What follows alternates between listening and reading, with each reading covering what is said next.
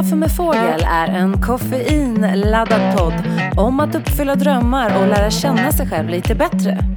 Jag som har den här podden heter Anna Fågel och jobbar som coach, mindfulnessinstruktör, sångerska och producent.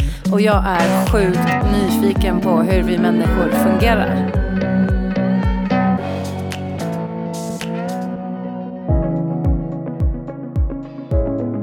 Idag så är det dags för poddens andra gäst och eh, jag träffar ingen mindre än Gigi Barbara. Och Gigi, hon är internrekryterare, coach och sångerska och hon har också tränat både amatörer och elitutövare i kampsport. Hon råkar också vara en av mina absolut bästa vänner och jag ville faktiskt prata med henne om motivation. Just för att jag tycker att hon är en person som är så otroligt bra på att motivera andra. Sen gillar jag ju att dela med mig till er av människor jag tycker om också. Och jag hoppas att ni kommer tycka om vårt samtal. Och eh, gör ni det så får ni såklart gärna dela och eh, kommentera så blir vi jätte, jätteglada. Enjoy!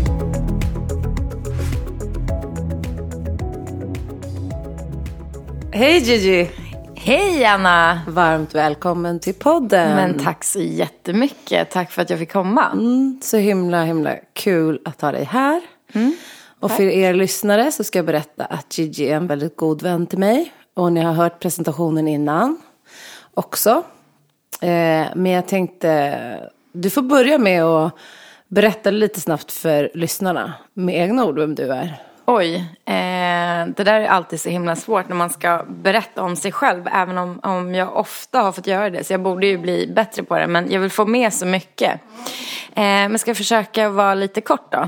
Och, eh, ja, vad ska jag berätta om mig? Jag är en väldigt eh, nyfiken person, har alltid varit väldigt nyfiken. Eh, har en bakgrund inom eh, träning, jobbat med kampsport faktiskt väldigt, väldigt länge på heltid. Eh, tränat allt från motionärer till elitutövare. Eh, jobbat som sångerska, gjorde jag också väldigt länge. Eh, och eh, ja, men idag så är jag med och roddar i en kampsportsgala eh, som jag konferencierar. Så och kul och den ska vi prata om lite sen Den ska också. vi prata om, ja. ja det måste vi göra. Mm. ja men så kul. Och sen så jobbar jag faktiskt som internrekryterare på ett företag. Mm. Just det. Mm. Ja. Jättekul. Många, mm. många strängar på din lyra. Det är ju det. Ja. Och eh, hur har din dag varit? Eh, nej men jag har haft en, en bra dag på jobbet. Eh, vi, eh, ja, men jag jobbar ju som internrekryterare så att jag intervjuar ju väldigt mycket personer och headhuntar. Det är väldigt roligt. Eh, man får ju träffa många olika typer av människor eh, och ha väldigt intressanta det blir väldigt intressanta samtal för att jag, ja, men jag vill ju veta vem den här personen är. Just eh, så, ja, och jag är ju nyfiken av mig. Så att mm. det blir eh, mycket följdfrågor på det de svarar och sen så hamnar man någonstans där man inte trodde liksom från början. Men det, det är det som är väldigt roligt med det här jobbet. Kul. Mm. Ja. Yes. Vi snackade ju lite innan, vi ska prata om motivation. Mm. Eh, och vi snackade lite innan att eh, vi hade ju kunnat berätta väldigt mycket spännande historier för de här poddlyssnarna. Mm. Om vad vi typ gjorde när vi var 19, Ja, vi har ju 20. känt varandra väldigt, väldigt ja. länge jag och Anna. Så ja. att, eh, vi har ju lite vuxit upp tillsammans. Exakt. Ja, så vi har mm. busat mycket ihop. Vi har busat mm. extremt mycket. Mm. Och eh, det hade säkert blivit världens roligaste avsnitt. Ja, jo. Men, men vi kommer ändå inte avslöja allt för mycket. Nej, nej, nej, nej det kan nej. vi inte göra. För vi ska prata om motivation. Ja, det ska vi göra. Ju. Mm. Eh, och eh, jag kan fråga dig då, mm. vad betyder motivation för dig? Oj, eh, allt egentligen. Det är en sån himla stor fråga. Jag vet Anna när du sa att vi skulle, ja men att jag skulle få vara med här, eh, vilket jag tycker är jätteroligt. Eh, men när, när du sa att vi skulle prata om motivation så tänkte jag så ja men, så jag började tänka, ja men det är väl, det är väl enkelt liksom att snacka om motivation och sådär. Men det är inte så himla enkelt för att det är så det är så brett. Eh, och det kan vara så mycket. Men allt, jag tycker verkligen det. det motivation är ju viktigt i, liksom, i vardagen. Mm. Jag tycker du är, varför jag tänkte prata om det med dig, det är först för att du Ja, men du har jobbat mycket att motivera andra. Eh, men också för att du är ju en motiverande person. Alltså, du är ju alltid så här motiverande och peppande, även som kompis. Gud, du är väldigt är. bra Det är på att, samma. Ja, du är väldigt bra på att eh, motivera människor. Kul att höra. Mm, det värmer. Ja, tycker jag. Eh, och jag har tänkt mycket på det där med motivation. Och jag tänkte bara idag så här när jag gick och tränat. Att gå och träna för mig, det är att göra någonting för att känna mig mer motiverad. I dagen, liksom. Det är en sån sak. Men sen har jag funderat mycket på det här med att jag tror att jag behöver veta så här, varför jag ska göra saker. För att känna mig motiverad. Om det är stora saker, jobbsaker och sådär. Eh, men det kan också räcka att någonting känns kul för att jag ska vara motiverad. Har du några sådana saker? Vad, vad behöver du för inre känsla eller inre motivation för att du ska tycka om att göra någonting? Men jag tror att du och jag är ganska lika där. Eh, på det här att när vi ska göra någonting eh, så är det ju väldigt viktigt för oss att vi vet varför vi gör det. Eh, vi är väldigt mycket sådär kreativa personer som, eh, ja, men som gillar att det finns en, en, en riktig mening med det vi gör. Ja men eh, likadan där liksom. Allt ifrån att är det någonting stort jag ska göra, att det är ett jobb. Eller ja, men någonting som jag ska stå för på något sätt. Eh, och göra väldigt mycket av. Då behöver jag liksom, ja jag, må, jag måste ha en, en, en ordentlig motivation till varför jag ska göra det. Annars så kan jag faktiskt inte göra det helhjärtat. Men där måste jag också säga att ibland så blir man ju tvungen att göra saker som man kanske inte vill göra. Och då får man ju eh, tvinga fram eh, en motivation i alla fall. Hur gör du det då? Hur kan man göra det? Eh, nej men jag tänker så här, all, allting är ju inte lika roligt att göra. Vad ska jag ta för ett exempel? Men, eh, eh, ja, men vi säger så här, eh, jag, jag tycker ju till exempel i mitt nuvarande jobb, eller i alla jobb jag har haft, vad den är, även om det är någonting som jag älskar. Ibland är man ju bara så trött. Och känner så här, jag har ingenting mer att ge.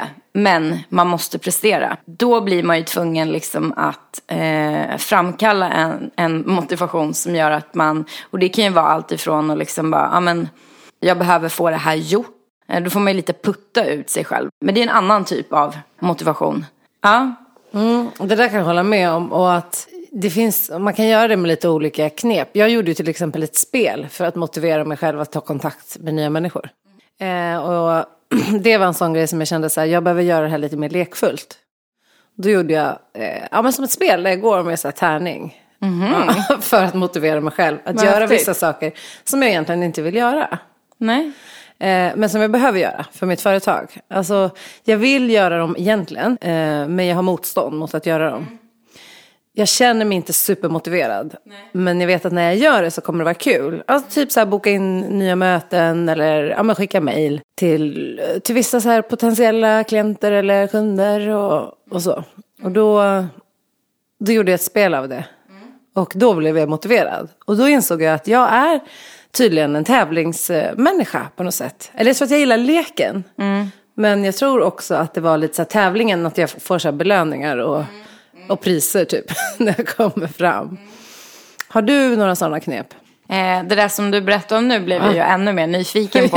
Eh, det låter jättehäftigt. Jag undrar om inte du har nämnt någonting om det här förut. Men ja, det där vill jag veta mer om. Jag har inget sånt där spel som jag gör. Eh, och faktiskt ska jag vara helt ärlig, det här med belöning.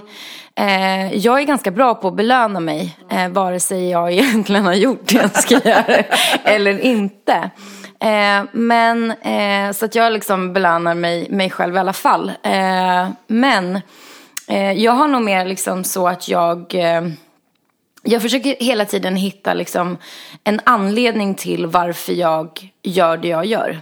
På det sättet att jag, ja, men jag har, vi ska prata om så här inre eller yttre motivation. Eh, sen så har man ju vissa saker med sig som jag ofta kan tänka på till exempel. Ja men till exempel, vi säger att det är någonting som jag tycker är tråkigt att göra men jag känner att jag måste göra det här för att uppnå någonting annat eller det är bara liksom Någonting jag ska göra helt enkelt. Ehm, jag tänker ofta på både min morfar och min farfar eh, hade, eh, om man ska kalla det för ordspråk eller så här, som både mamma och pappa hade med sig. Som jag ofta fick höra. De poppar ofta upp. Vad är det för ordspråk? Nej men till exempel om det är någonting som jag behöver göra som jag tycker är väldigt svårt. Då eh, min, nu ska jag säga så att jag säger morfar eller farfar. Men morfar sa alltid God helps those who help themselves. Mm. Eh, och jag har alltid tyckt att den där är så himla bra. Vare sig man tror på Gud eller inte. Men för mig blir det, jag tror på den. Eh, och jag vet inte om det är för att jag har fått med mig den sedan jag var liten. Men det är ju det här att liksom, ja, men om, om du, ja men vad är Gud? Ja men det är du. Eller så är det Gud som är någonstans. Men om du bara får det gjort så gör du det bara så blir det belönad liksom. Alltså med att eh, det har en effekt liksom. Mm. Precis, belöningen ligger i att göra det redan och hjälpa sig själv liksom så. Mm. Mm. Ja men liksom om du bara, ja precis. Om du bara gör det så kommer du få det gjort. Det är belön. Ja, nej men precis. Eh, och sen så hade min farfar sa alltid where there is a will there is a way. Eh, så lite samma. Eh, fast från olika håll. Den är en klassiker. Eh, ja, men de kan poppa upp ganska ofta i mitt huvud. Eh, på stort och smått. Det låter mm. som så här, att fokusera på någon lösning, alltså oavsett om det är något man vill göra mm. eller inte. Att det kommer gå vägen, ja. liksom, du får bara liksom Ja, det är lite motstånd men det är bara att köra mm. på. Ja. Mm. Alltså de, de, eh, eh, de är mina inre verktyg, liksom. Ja. Vapen eller vad man ska säga. eh, mm. det är så bra. Ja, men ditt spel, jag blev mm. väldigt nyfiken. Mm. Jag kan gå in på det lite snabbt då här. Eh, jag vet inte riktigt hur jag ska förklara det men det är lite roligt. Det var så här en dag och jag kände att jag behövde ringa en massa samtal och jag behövde skicka en massa mejl. Och så kände jag mig omotiverad. Men jag visste att jag behöver göra det här. Eh, och då, istället för att göra något jag tycker är roligare, så tänkte jag att jag ska göra det här först. Men jag behövde hitta ett sätt att motivera mig. Då frågade jag Viktor på mitt kontor som är utvecklare. Så sa jag till honom, du Viktor, hjälp mig, jag behöver motivation. Då sa han, Anna du måste jobba med gamification. Du måste göra ett spel av det här såklart. Mm. Eh, och jag, han berättade inte hur eller något så Vi, vi höll på att prata om det på vägen, vi var ute och luncha. Men så sa han, du ska ha med pjäs och allting. Och då började jag utforma ett spel alltså, som går i, det håller på i tre månader. Eh, där det är olika steg och jag måste ta ett steg varje dag. Och det kan vara typ att kontakta tre nya företag eller så här, boka in två luncher på LinkedIn och sådär. Så att ni som får en förfrågan på LinkedIn, ni kan vara game. en del av, av spelet. Spel. Mm. Nej men det är ju mm. Eh, människor jag redan vill träffa. Mm. Men som jag liksom ja, men, ja. skjuter upp kanske. Och efter tre gånger får jag en liten belöning. Och då får jag slå tärning om den också. Så då kan det vara sex olika belöningar. Och det är så små saker. Det är typ så här, köp en bok på eh, Pocket Shop. Gå och köp en blomma till dig själv. Typ ta en halvtimmes rast. Så det är väldigt små belöningar. Och jag tror att det som triggar igång mig är ju kanske inte belöningen i sig. Men det är just det här att det finns ett ödesgrej. Att ja, man slår en tärning mm. och du vet inte vad du Nej. ska göra. Ja men så det blir lite intressant av det ja. hela. Ja. Och sen har jag ett, man kan komma på en sak som är, om du tänker som är monopol, mm. chanskortet. Ja. Men det här är kärlekskortet. Mm. Då måste jag ge bort någonting gratis. Oh. Och då eh, kan jag komma på, nu kom jag på att jag skulle ge bort en föreläsning. Jag skulle bjuda in tolv personer till mitt kontor och hålla i en mindfulness-föreläsning. Och nu har jag gjort det, så nu kommer det tolv personer. Så att, eh, jag tror att den är kul för att den är, för att det är lite spel helt enkelt. Den där gillade jag. Eller hur? Ja. Mm. Jag tänker på faktiskt, när jag var liten mm. eh, så tror jag att jag vet inte, det kanske finns något liknande för barn eller någonting. Men jag tror att den hade varit, det hade varit ett väldigt bra verktyg för mina föräldrar att använda för att liksom stimulera mig och få mig att göra olika saker.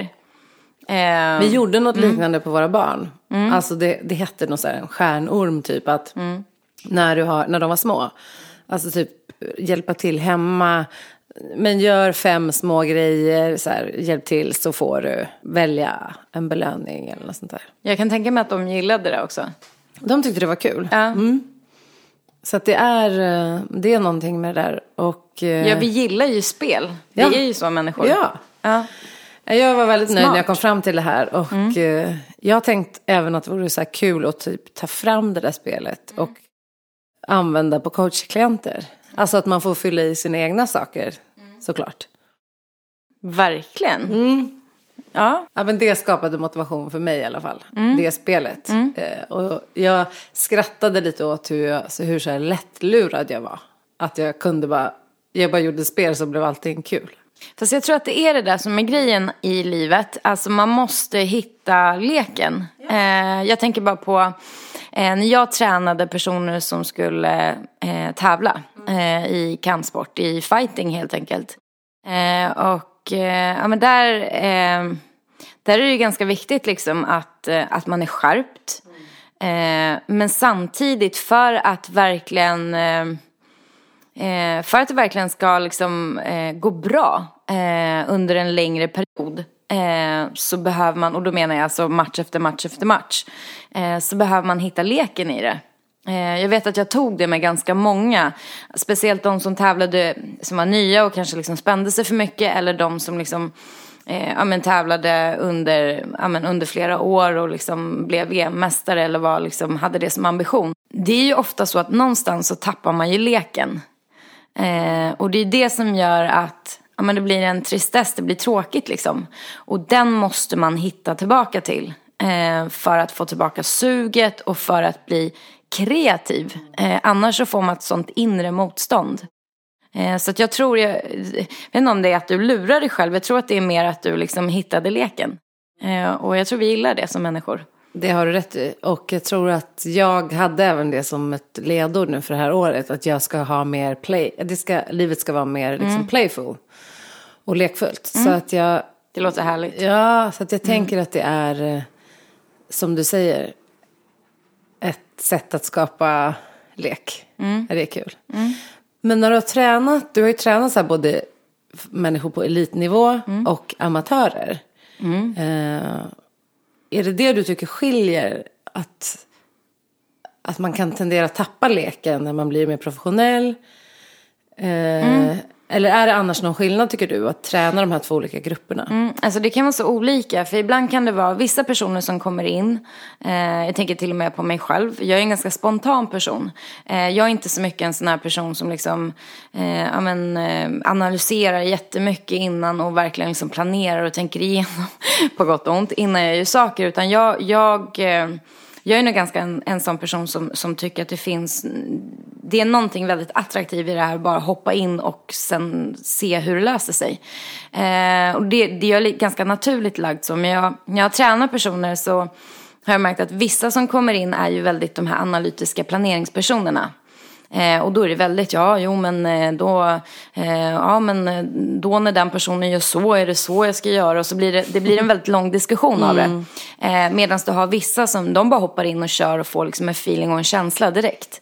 Eh, här är det lite olika för att ehm, de här personerna som är lite mer planeringsmänniskor från början, de får man nästan från början gå in och liksom eh, hjälpa, hjälpa att hitta leken.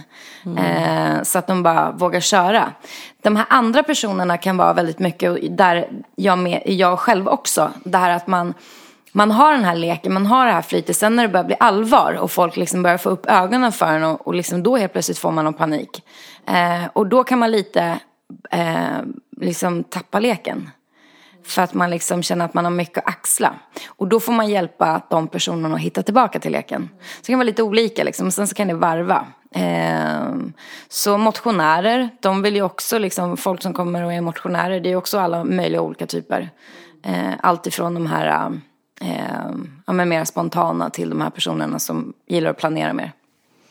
Det där är så intressant att du säger med lek. För jag tycker lek, det är också samma om du håller på med någonting kreativt.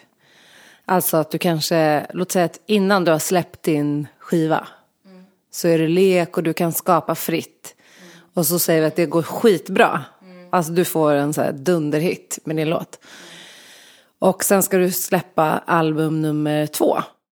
Och du har en massa förväntningar på dig från ditt skivbolag och liksom människor har investerat pengar.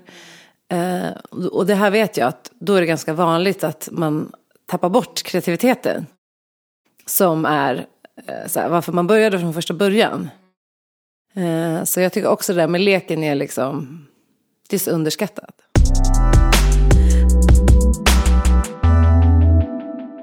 Och jag tänker på oss också, jag tänkte faktiskt på det när du skulle hit. Bara, vi är ju ganska så, inte barnsliga, men vi har ju barnet mm. inom oss, mm. fast mm. vi är vuxna. Mm. Skulle jag säga. Ja, verkligen. Ja. ja, men, ja.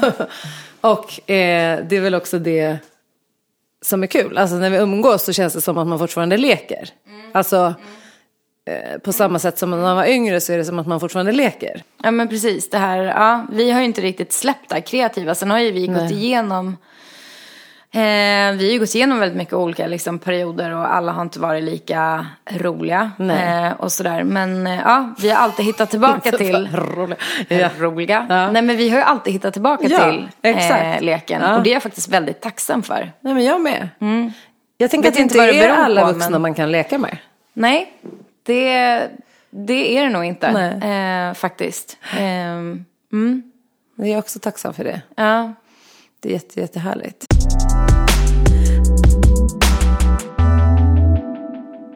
Nu ska jag fråga dig om Kampsportsgalan. ja, kul! Jag ska ju gå på den. Ja, jag är det så taggad. göra. Eh, för du ska faktiskt leda hela konkarongen. Hela kalaset. Och vara konferencier. Tillsammans, med, ja, säg du. ja, med Janne Westerlund, Ja. får inte glömma det. Ja. Komiker. Ja. Mm. Och du har skrivit manus och eh, ni kommer göra det här den 23 mars, stämmer det? Mm. På Münchenbryggeriet. Ja. Och det är större lokal den här gången. Mm, det är dubbelt så många som eh, får plats. Det är ju eh, ja, men det är bordsplacering, tre rätters middag. Eh, och ja, så det kommer vara dubbelt så många. Förra året så var det på Berns och det är på Berns det har varit i väldigt, väldigt många år. Eh, ja, så det ska bli jättespännande. Och du var ju ledde den förra året. Mm, första gången som jag var med. Ja. Och det var så kul för jag satt ju i köket med datorn och jag typ inte så, jag kan inte så mycket om kampsport. Nej. Men jag följde ju galan för Ja, att för att jag... För att du ja, ledde den. Ja. Och eh, nu ska jag få vara med på plats. Men berätta lite om själva galan, liksom, hur funkar det? Mm. Ja men det är ju, eh, alltså det är ju en kväll där vi hyllar kampsporten, eh, Kampsport Sverige. Eh, och det är ju Bud och kampsportsförbundet eh, som har den. Eh, det är ju väldigt många föreningar och idrotter inom kampsport som, är, eh, som går under Bud och kampsportsförbundet, eh, som är länkade till dem. Eh, och de är länkade till Riksidrottsförbundet. Och ja, men vi har tio olika priser som vi delar ut. Och ehm, det är ju årets traditionella utövare, årets mästare, årets mästarinna, folkets pris, Guldtuben, årets klubb, årets ledare, årets kampsportare, årets genombrott och årets förebild. Det är jätteroligt och det är verkligen eh, Alltså det är mycket känslor, eh, är det.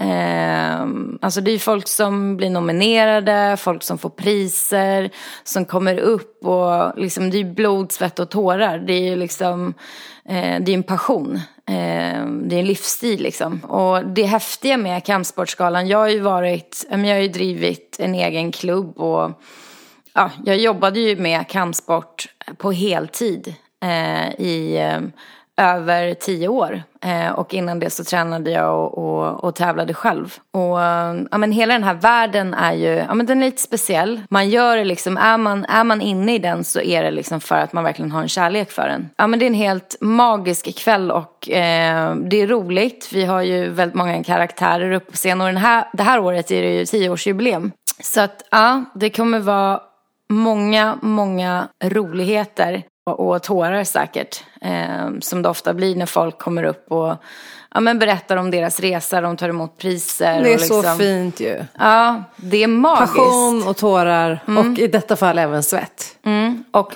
Alltså, jag tänker det den, kanske inte på den kvällen, men det har lätt, alltså, ja, kanske för mig som står där Ja, under så strålkastarna hela kvällen. precis. Ja, nej men också kommer det vara fest. Det här är den här, den här gången vi firar liksom, det är tio år. Så att det är fest. Gud vad kul. Ja. Och jag tycker det är jätteroligt Och alla att du ska kan komma väl och gå, alltså man kan väl köpa biljett till det här? Ja, eller? det kan man göra. Eh, på, eh, ska jag säga rätt nu, på kampsportsgalan.nu. Jättebra. Mm. Så hörni som lyssnar nu, leta upp det här både för att såklart kolla in Gigi och Mm. Janne Westerlund som konferenserar. Men eh, framförallt kolla in alla som vinner priser då och eh, festa loss. Verkligen. Och jag tänker att det kan vara väldigt roligt även om man inte är. Jag kände det när jag tittade, alltså fast jag inte typ kan så mycket om kampsport. Så kan jag relatera till eh, passionen och eh, det här att älska någonting och brinna för någonting Mm. och få pris för sitt arbete eller sin insats. Eh, Mm. liksom. att, så det var väldigt kul att kolla på den. Även om man inte är into kampsport. Ja men faktiskt, det är ju det som du säger. Det är ju ja, men någonstans där folk har lagt sin, eh, sin fokus och sin ambition liksom.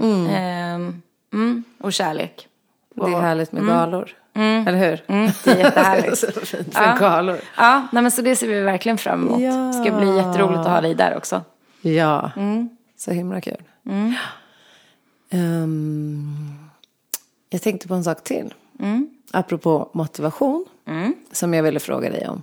Ja. Ja. Du har ju rest väldigt mycket. Stämmer. Du har bott i New York. Jag var och hälsade på dig. Du har bott i Australien. Eh, vad har du mer bott? Eh, Nya Zeeland. Nya Zeeland. Just det. Och på Gotland. Och på Fast det- Gotland. Om man får räkna det till ett annat land. Ja, det kan man väl säga. Ja, vi kanske nej, får någon. Gotland. Nej, vi vet att Gotland ligger i Sverige. ja, Mm. ja, precis.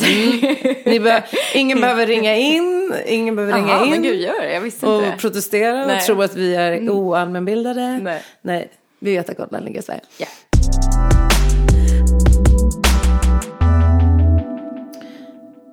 Vad har det betytt för dig att bo utomlands? Eh, vad har det betytt för mig? Ja, men jag vet ju inte så mycket annat eftersom eh, ja, men jag, jag är ju född, uppvuxen här, men eh, har bott liksom redan när jag var Eh, vad var jag? 11 flyttade jag till Nya Zeeland, var där ett år. Eh, kom tillbaka och flyttade tillbaka sen till Australien när jag var 15. Kom tillbaka och sen flyttade jag när jag var 18 eh, till eh, New York. Kom tillbaka när jag var 22. Ehm, ja, men det det har betytt för mig är väl liksom att jag... Alla de här platserna som jag har bott på är ju också väldigt, ska man säga, de är ju ganska, alltså kulturellt är det ju ganska blandat eh, på alla. Så det har ju, jag har ju alltid bott i länder eh, där det är ganska bland, alltså blandat. Det finns mycket olika kulturer. Eh, men det, alltså det är ju berikande. Eh, man kan ju inte säga så mycket mer än att det är ju verkligen berikande. Alltså Nya Zeeland till exempel. Ja, men det är den här äh, stora ökänslan. Ja, men någonting, jag kommer ihåg när jag var yngre, jag tyckte att det var någonting lite annorlunda, lite mystiskt över att bo där på något sätt. Just det, och hur kom det sig att du bodde där? För jag tänker, jag känner ju dig, men om någon som lyssnar då. Hur, hur kom det sig att du bodde där? Ja, Men jag, eh, min farbror bodde där eh, med sin fru och barn. Eh, och eh, vi åkte helt enkelt dit för att eh, min, min pappa, som ursprungligen kommer från Indien, eh, ville flytta till ett varmare land eh, igen. Eh, så det var därför vi flyttade dit och då blev det ganska Då hade ni bott i Sverige innan. Ja, Ja. ja men det hade vi. Jag är ju född här så att då hade vi bott här väldigt länge. Och det var så vi hamnade där i, i något år. Och eh, ja, eh, men det man kan säga om, om, om vi ska prata lite om det med motivation och så här. Jag fick ju ofta vara den här nya ungen. Just i skolan. Nya ungen i skolan, ja. ja. Hur Det hanterade du det? Ja, precis. Nej, men det, det är inte så jättelätt. eh, och jag var ju, även om jag, jag har alltid varit så här, jag tycker att det är roligt att göra saker där jag får stå på scen Mm. och eh, liksom, ja, men stå och sjunga inför folk och så här, kanske inte var så jättesvårt. Men jag var inte så här, jag hade lätt att få kompisar liksom, om jag satt och lekte med någon och så här, men jag var inte den här liksom, som kom in och var jättebekväm i alltså, en ny klass eller så. Och kanske kunde uppfattas som lite lätt märklig. För jag var ju också så här, jag satt ju väldigt mycket för mig själv och gillade att skriva och fantisera och liksom, eh, ja men, jag var någon slags regissör när jag var väldigt liten liksom. Eh, bara, bara för att jag tyckte att det var roligt. På vilket sätt var det? Berätta det. Nej men jag satt ju alltid och eh, jag, började, jag kommer ihåg när man gick i, kommer ihåg när man gick i ettan och fick börja eh, häfta ihop de här A4-papperna och Ja, göra en liten bok av dem. Ja. Kommer du ihåg det? Ja. Eh, det var ju helt fantastiskt för mig. Eh, och eh, jag kommer ihåg att min mamma sa att redan när jag var jätteliten om man satt i ett väntrum eller någonting så tog jag fram böcker. Eh, och eh, satt och läste ur dem, jag kunde ju inte läsa men jag hittade på egna historier. Eh, och ja, men liksom allting som hade med böcker. Sen blev jag en sån otrolig boknörd. Eh, så att jag, eh, ja, men jag skrev ju väldigt, väldigt eh, många eh, historier. Eh, så. så jag skrev liksom manus på mitt sätt från att jag var väldigt liten. Mm. Det var väl ett sätt för mig att liksom få gå in i olika världar som jag var nyfiken på. Just det. Och, så, och då kom du ändå till nya världar mm. på sätt och vis hela tiden. Alltså mm. du fick komma ny i klassen. Men du men jag skapade här... ändå dina egna världar. Ja, för jag var ju inte den här ungen som liksom, ja men så här, ah, sprang ut och liksom började klättra i träd och, och liksom var med på, mm. på gympan och tyckte att det var jätteroligt mm. med ja, men, olika idrotter eller så mm. eh, mina intressen var ju ganska ja, men jag sitter här för mig själv och gör mm. någonting. Så det var inte så lätt eh, faktiskt. Eh, kände mig ofta konstig. Gjorde du? ja, ja. Jo, när jag var liten kunde jag ofta mm. känna mig lite, lite konstig liksom. Mm. Eh, men där, där tror jag att jag fick eh, Ja, men vi ska prata om motivation och sådär. Jag är ju liksom, jag tror att jag uppfattas som en väldigt social person idag. Eh, så att ja, det var nog bra för mig att mm. flytta runt så mycket. För att jag fick liksom lära mig att vara social och eh, eh, kommunicera med, med nya personer. Just det. Mm. Så att om du inte hade flyttat runt kanske du inte hade lärt mm. dig det eller? Mm. Nu gick jag en väldig omväg till att, mm. för att komma till det här. Men, mm. men eh, som svar på din fråga så mm. om det är någonting nu eh, när vi pratar som jag liksom spontant kan komma på som var bra med det var ju att ja, men jag fick lära mig att vara social i helt nya miljöer. Eh, orädd för att liksom eh, ja, men, eh, skapa kontakter eh, med nya människor. Eh, mm. Ja, för du upplevs ju social nu. Mm. Sen vet jag att du behöver egen tid. Mm. Det gör vi alla. Men mm. liksom, ja men du, du upplevs nog precis av många som, mm. som en social mm. person. Sen har jag för mig, stämmer det här? Sökte inte du till scenskolan någon gång? Eh, när du var yngre? Eller du jo. ville väl bli skådis? Mm. Jag var ju med i massa revyer och sånt när jag var liten. Eh, uppträdde hela tiden, satte upp shower själv i skolan och överallt. Eh, var alltid de här som skulle vara med och liksom uppträda på så avslutningar och mm. Jo, det gjorde jag faktiskt. Eh, och eh, kom först med Eh, men sen var jag, jag var ganska dålig på att gå till skolan. Så att jag sänkte faktiskt mina betyg i nian. Eh, och, eh, och rök på grund av det. Men eh, eh, för att man skulle ha ett visst liksom, betyg eh, som man inte fick ligga under. Så att jag kom med. men, men sen så rök det där och då fick jag väl någon chans att göra någonting åt det. Men jag var ganska strulig då. Jag var en ganska strulig tonåring. Mm. Men sen så ordnade du upp dig. Mm, ja men det gjorde jag. Eh, ja, men precis. Alltså min tonåren är en så speciell period mm. också. Mm. Jag var jätteomotiverad i tonåren. Mm. Alltså, jag var inte så sugen på skolan. Nej. Ganska mycket sugen på annat. Mm. Men inte skolan. Nej, Nej eh, det var inte jag heller. men det är lustigt att det är samma, samma period då man ska liksom... Eh, försöka få bra betyg och man tänker ganska mycket på framtiden och sådär. Mm. Men mm. Eh, jag tycker det är naturligt att eh, man kanske inte alltid känner sig mest motiverad precis då. Apropå motivation. Nej, precis. Eller, ja. eller rättare sagt så här. Man är väl motiverad på andra saker mm. bara. Ja men precis, jag tänkte precis på det. Jag hade ju, eh, jag hade ju ändå en egen liksom dansgrupp. Eh, och eh, vi åkte ju runt och fick jättemycket jobb överallt. Jag kommer ihåg vi hette United Colors Dancers, vilket jag tyckte var jättesmart för att vi var eh, från väldigt olika kulturer. Jag med min indiska bakgrund, så var det någon som var spansk, eh, någon som var från Tunisien, svensk eh, och eh, så var det någon mer. Eh, från Östafrika. Ja men det var liksom, så vi hette United Colors Dancers kommer jag ihåg. Inte inspirerad av något klädmärke va? Eh, nej, fast jag tog nog namnet därifrån. Ja. Eh, jag tror inte att jag liksom satt och kom på det själv. Utan jag tyckte nog bara, ah, det där skulle passa oss. det bra. mm. Ja, vad kul. Mm. Ja, men det där känner jag igen. Jag har också haft dansgrupper. Jag minns faktiskt hur jag startade min första dansgrupp. Eller hur jag ville jobba med dans.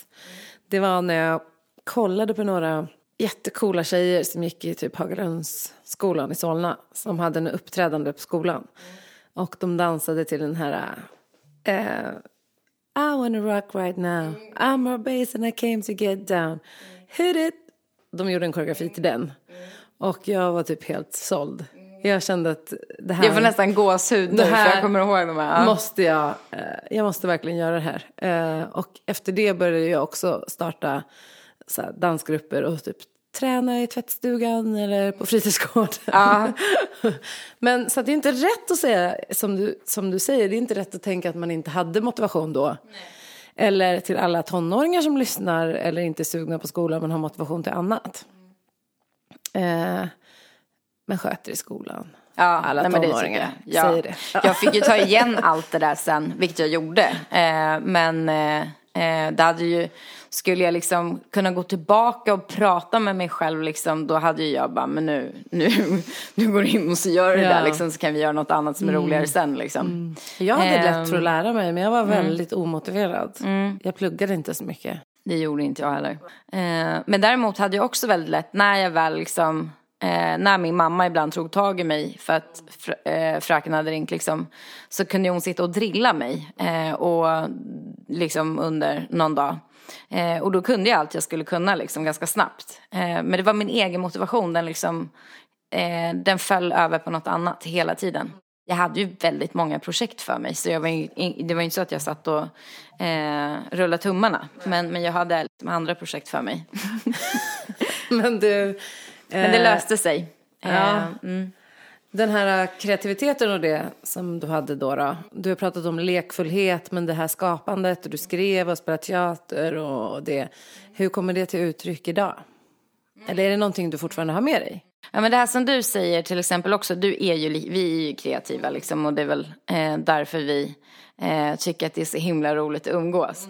Men ehm, alltså jag, är ju- jag är fortfarande också väldigt mycket av det här eh, lekfulla, alltså eh, ja, men om vi pratar om motivation och så här, jag, jag har ju saker som jag gör egentligen varje inte varje dag för att jag har inte alltid tid, men några gånger i veckan eh, kan jag göra olika liksom, ja, men så här, övningar eller så bara för, för att få igång kreativiteten. Eh, och jag kan ju göra, jag läste någonstans att om man till exempel, eh, jag ska bara berätta om en grej som jag gjorde häromdagen. Eh, Det här för att liksom engagera vänster hjärnhalva eh, för att liksom stimulera sig själv. Eh, Då började jag, eh, jag satt och skrev eh, häromdagen faktiskt. Jag tänkte, ja men jag ska kolla liksom eh, vad det ger mig. Så jag satt och skrev eh, ja, några meningar eh, som jag skrev om och om igen med vänster hand. Eh, Jag är ju högerhänt eh, och eh, det såg ut som, ja men, Ja, men det såg ut som någon som liksom inte har lärt sig att skriva ordentligt. Men det blev bättre och bättre. Det gick snabbare och snabbare. I början så var det så här när jag hade skrivit liksom samma mening kanske så här 20 gånger. Så kände jag så här, ja men gud det här är så himla tråkigt, jag kommer dö. Men jag bestämde mig för att jag ska skriva 50 gånger liksom. Eh, och jag fick ett sånt himla flyt och det blev så mycket snyggare och allting. Och sen så började jag skriva med höger. Eh, och helt plötsligt så liksom skrev jag mycket snyggare än vad jag brukar med höger också. Alltså, Gud vad häftigt, bara den här lilla träningen. Ja. Eh, och jag vet att det här ska vara, nu kommer jag inte ihåg allt som det ska göra, men jag har ju läst om det förut, att det ska stimulera, men jag vet inte om man ska säga intelligensen, men det ska stimulera hjärnan så att man liksom, ja, men blir lite vassare. Att det man håller liksom, hjärnan igång Ja. också säkert och utmanar den tänker jag. För hjärnan behöver ju nya utmaningar. eh, så mycket sådana saker kan Aha, jag göra kul. och det finns väl lite lek i det också. Ja, verkligen. Ehm, mm. Ja, men det är mycket sånt med mig eh, varje dag ändå liksom. Ehm, mm. Gud vad kul. Och det här var ju när du var, när vi går tillbaks till så här, du bodde där i Nya Zeeland och Australien när du var yngre och du har kvar massa kreativitet nu, även när du är äldre. Eh, är ju superhäftigt. Men jag vill ta tillbaks dig till resorna för att eh, häromdagen, eller häromveckan ska jag säga, när jag gjorde ett poddavsnitt eh, som handlade, jag kommer inte ihåg vilket avsnitt det var, men det var någonting när jag kom in på, jo det var ett avsnitt som handlade om meditation. Då kom jag in på när vi var i New York. och då tänkte jag på hur jag kom i kontakt med meditation. Eh, Apropå motivation så är meditation en sån sak för mig så att få landa och liksom låta saker landa gör mig mer motiverad. Och jag tror att jag började med det typ när vi umgicks. Eh, och att det kanske var så här för att det var artister.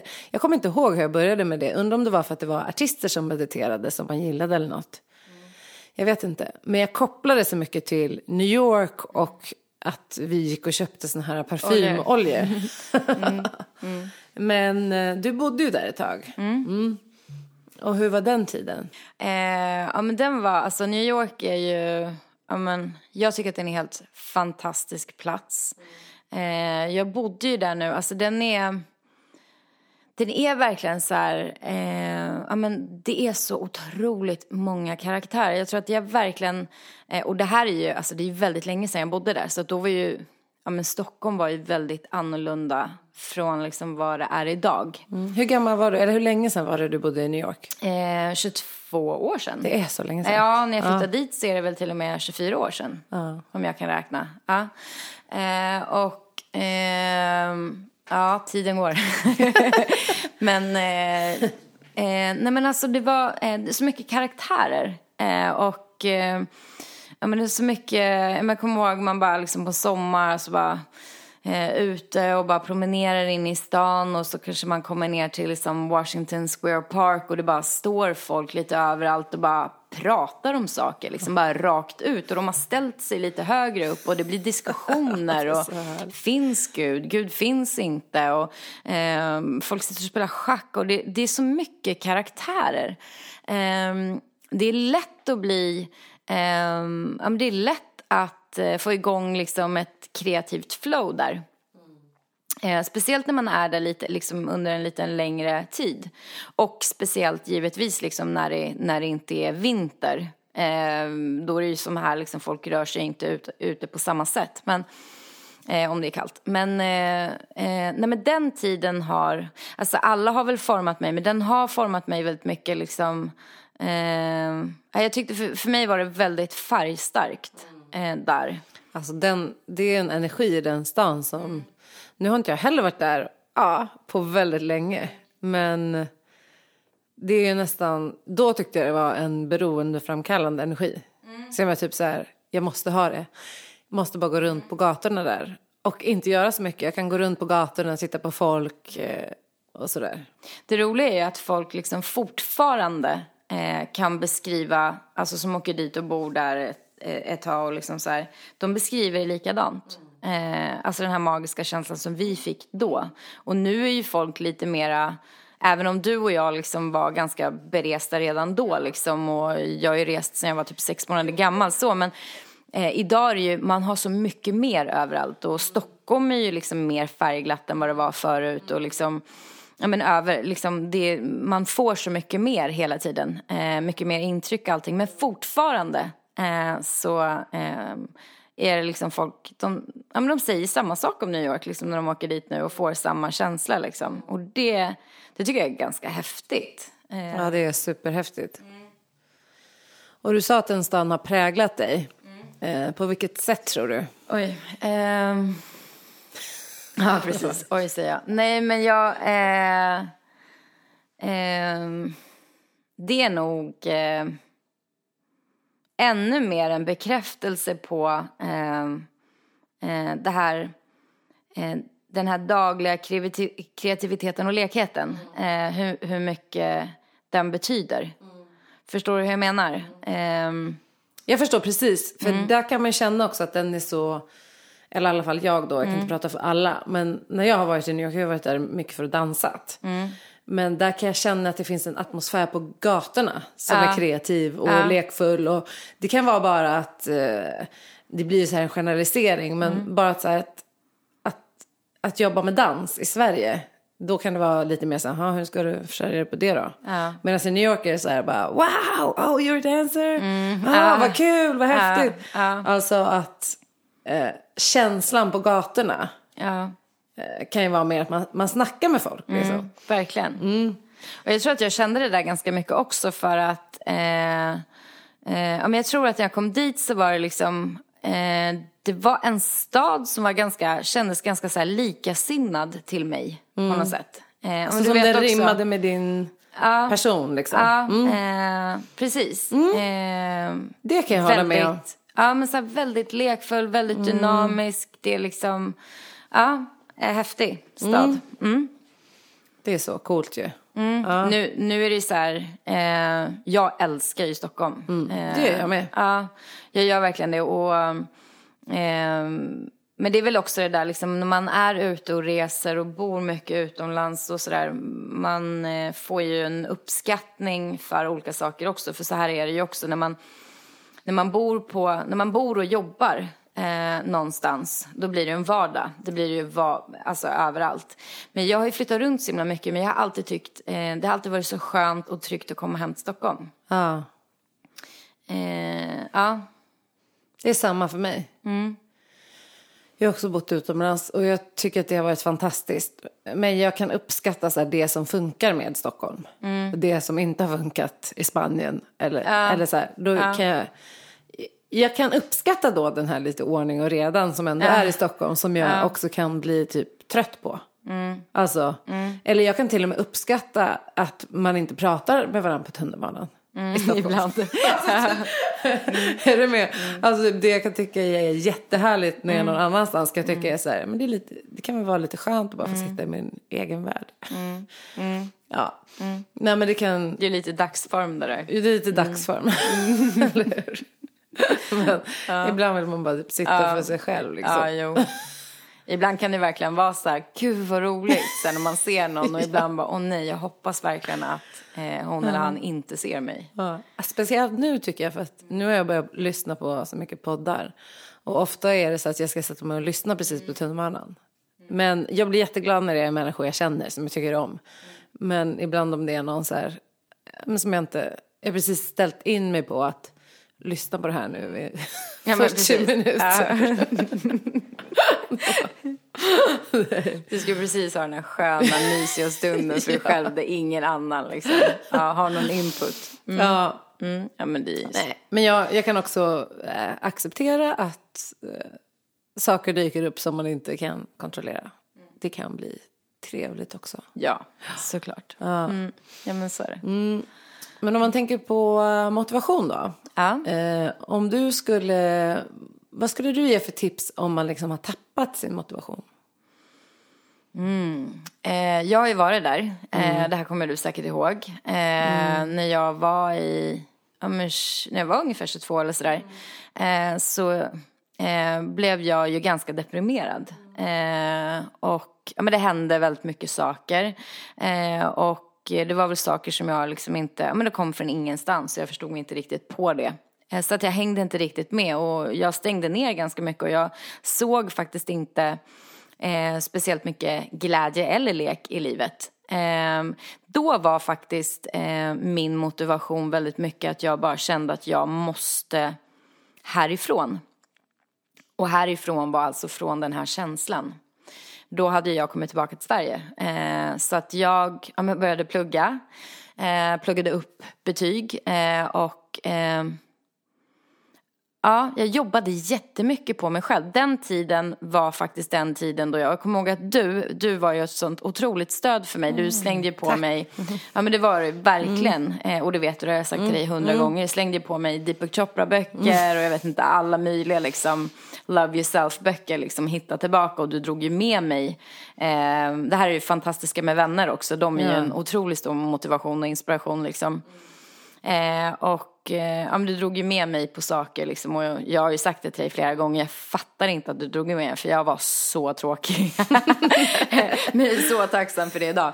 Men, Och det ehm, roliga är att så tänker inte ens jag, att du var tråkig. Nej. Nej. Men jag kommer ihåg, jag var så annorlunda från hur jag brukar vara. Och jag liksom, när folk skrattade och så här, jag vet inte, alltså för de som har gått igenom en sån här period sj- själv, liksom, jag har ju alltid varit en sån här, jag skrattar Eh, alltså, jag varit så här när jag var liten att jag liksom skrattar så jag ramlar ner och håller på att dör liksom för att jag skrattar så mycket. Men eh, under den perioden var det liksom, ingenting eh, var tillräckligt roligt eh, för att skratta om. Och det var någon som beskrev eh, den här känslan och bara generally not impressed with life.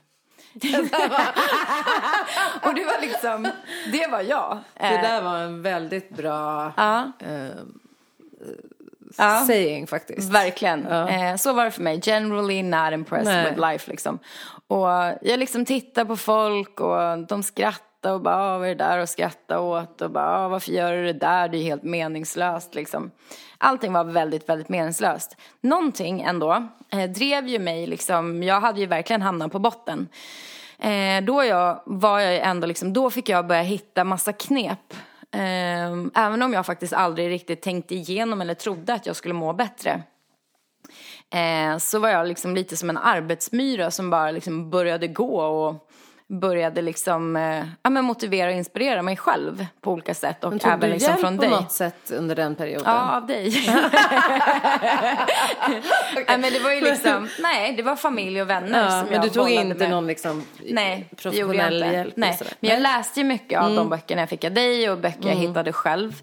Eh, och jag skrev ju väldigt, väldigt mycket. Här är det väl liksom bra att jag är en person som eh, som gillar att skriva. Skriva är eh, det bästa tycker så jag. Så jag, jag vände och vred mycket på liksom mig själv och tankar och bara, ja men olika saker. Och sen eh, höll, höll jag ju på med, det var ju då jag började eh, komma in i och, och liksom jobba som sångerska mm. under den perioden. Så jag fick ju skriva väldigt mycket och uttrycka mig i sång.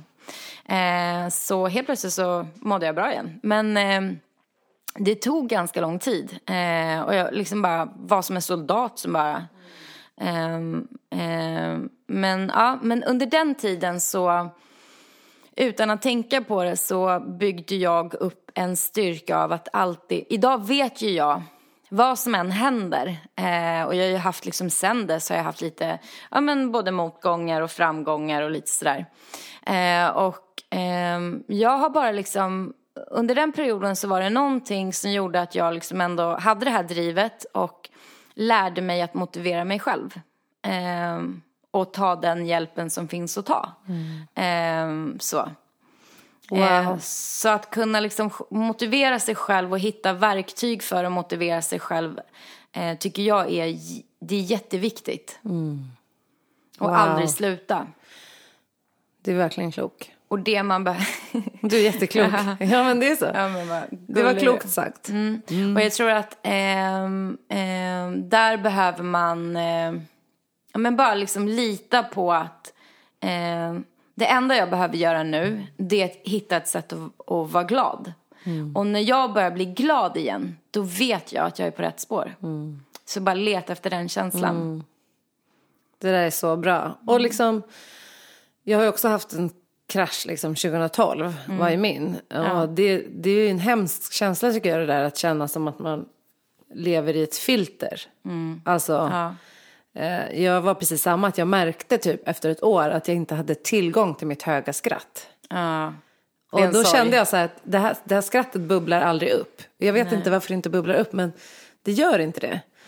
Och eh, jag tycker det är en balans att liksom att också så här, kunna vara där det är jobbigt.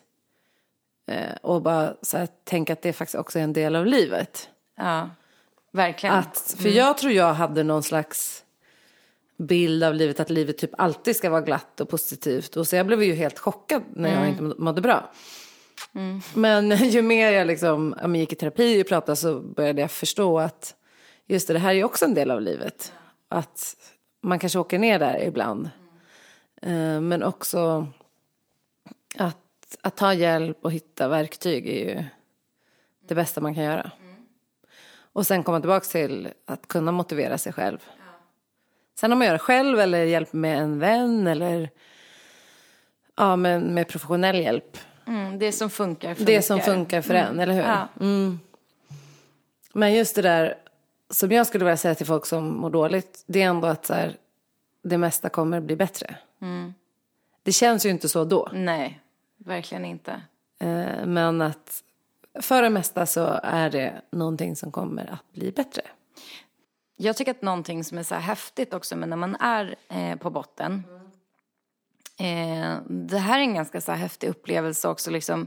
Sen kan man ju verkligen vilja inte vara på botten. Men eh, det händer ju väldigt många. Eh, och eh, det är när man börjar se de här ljusglimtarna. Mm. Att så här, den uppskattningen helt plötsligt som man har för små saker eh, den blir så mäktig och så stor. Ehm, ja, men saker som man helt tog för givet. Eh, Verkligen. Och det är någonting väldigt starkt i det. Tycker jag. Verkligen. Det här är så kul att vi hamnar här nu i den här diskussionen. För lite samma hände när jag pratade med Helena. Ja. Att vi hamnade i det. Att Ja. in the end så är det liksom just de där, Helena Önneby var här förut som jag ska berätta. Att i slutändan är det de här små sakerna. Ja. Men när man har förlorat dem, om man har förlorat hälsan eller du har förlorat glädjen eller du har mått dåligt, någonting. Så inser du så här, vad de betydde. Ja. Ah. Och när de börjar komma tillbaks så kan du eh, vårda dem på ett annat sätt. Ja. och inte ta dem för givet. Eller hur?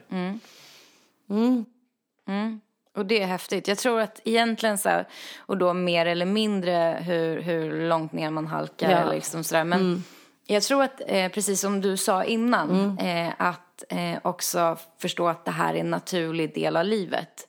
Eh, ja men så här, ljus, mörker, eh, det kan låta klyschigt men det är ju faktiskt så. Eh, dag, natt, alltså vi behöver motpoler eh, i allting för att kunna utvecklas, för att verkligen kunna se vad vi har framför oss och verkligen kunna veta vad vill vi? Exakt. Mm. Verkligen. Vet du en sak? Nej, Tiden går. det gör ju det. Jag Har det gått en timme? Jag tror det. Jag skulle Oj. kunna sitta här Ja. och prata Ja, hur länge som helst. Men eh, mysigt. vi har ju åtaganden. du jag ska har göra en intervju, eller? Sen efter det här. Ja, ska jag faktiskt. Och jag ska hämta en kattunge. Ja, Apropå motivation. Djur är ju bra på att motivera en. Eh, Att man får ta hand om någon annan. Tycker jag har jag känt nu. Jag har ju inte haft djur sedan jag var tonåring. Nej. Så att jag har en kattunge hemma som behöver mig. och barn. Och jag har ju Apple. Ja, Du har ju Apple. min vovve. Men eh, du kanske kan komma tillbaka någon gång. Det gör jag jättegärna. Ja, eller Ja. hur? Du ska få några sista frågor. Så jag brukar avsluta med eh, några frågor. Eftersom podden handlar ju om att uppfylla drömmar och lära känna sig själv. Så då frågar jag dig, eh, nämn en dröm som du har uppfyllt. En dröm. Ja, någonting du har drömt om som du har uppfyllt. Som har betytt mycket för dig. Eh, ja, nej, men en dröm som jag har uppfyllt. Eh, jag, eh, ja, men jag jobbade ju som artist väldigt länge. Eh, under väldigt många år. Sen så kom jag ifrån det och jobbade väldigt mycket med, ja, med kampsport på heltid. Eh, I lite mer än tio år.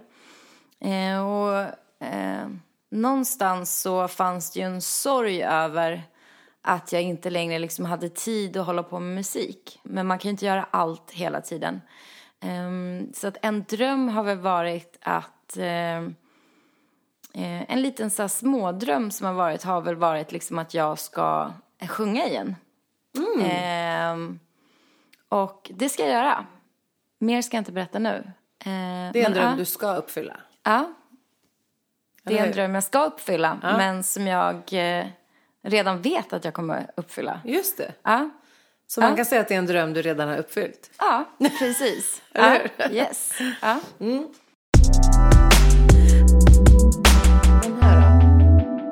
Någonting som du har lärt dig om dig själv det senaste året. Någonting som jag har lärt mig eh, om mig själv det senaste året. Jag har väl eh, lärt mig, eh, alltså jag tror att jag har omlärt mig eh, eh, hur envis jag faktiskt kan vara eh, när jag väl behöver det. Du har grit. Vad heter det? Uthållighet. Ja, Ja. verkligen. Coolt. Mm. Är det någonting du vill, var, har det varit någon specifik situation? Är det något du vill dela med dig av? Eh, nej, men jag kan väl bara säga att eh, ja, men jag är ju 44 nu. Eh, och, eh, när Väldigt man, bra ålder. Ja, men jag, jag, det känns som en fantastisk ålder. Ja. Eh, eh, däremot så måste jag erkänna att när jag, när jag tänker 44 och tittar på siffran så känns den lite för hög för mig. Eh, men ändå, det har ju gått 44 år och det har hänt väldigt, väldigt mycket. Eh, men eh, det här året så har jag, eh, ja men sen ett år tillbaka så har jag liksom omskapat ganska mycket. Eh, så ja, eh, så att jag har liksom lärt mig att, ja men som du sa, uthållighet, men att liksom envishet, uthållighet, eh, eh, den är där liksom. Så coolt. Mm. Bra. Mm. kommer gå bra för dig. kommer gå bra för dig Gigi. Men du, eh, sista frågan då. Ja. Om du fick ge vidare bara ett livsråd till någon annan. Oj. Vad skulle det vara? Mm. Eh, så många råd. Nej. Eh, bara ett. Ja. Eh, jag går tillbaka till det där eh, som vi pratade om innan. Eh, ja, men hitta så glädjen och lekfullheten i livet så, så löser sig allt annat. Eh, ja, det är det. The rest will follow. The rest will follow. Eh, viktigt att man har liksom, ser sig själv som huvud, hu, huvudrollsinnehavare i, i sin egen film liksom. Eh, och bara skapar och är kreativ och leker. Ja. Exakt. Mm. Skapa kreativ, leka och huvudrollsinnehavaren i sin egen film. Din, din, din. Det får vara slutord, Gigi. Jag tackar dig så himla mycket. Tack så mycket för att jag fick Mm. vara Det var så mysigt. Det gick så himla snabbt. Det gick så sjukt Ja. snabbt. Och eh, lycka till på Kampsportsgalan. Tack så mycket. Så eh, vi får, vi får väl dela med oss någon länk också till, till lyssnarna. Jag kan lägga upp en länk var de kan köpa biljetter om de vill komma. Ja, gör det. Ja. Ja. Och eh, så välkommen tillbaka en annan gång. Tack så mycket. Ja. Hej då. Hej då. En kaffe med fågel är inspelad, klippt och producerad av mig, Anna Fågel, a.k.a. Mindful Mojo. Och vill du komma i kontakt med mig för kurser, coaching eller samarbeten så connecta med mig vet jag. På Instagram så heter jag at byannafogel. På Facebook så heter jag Mindful Mojo och min hemsida är www.mindfulmojo.se.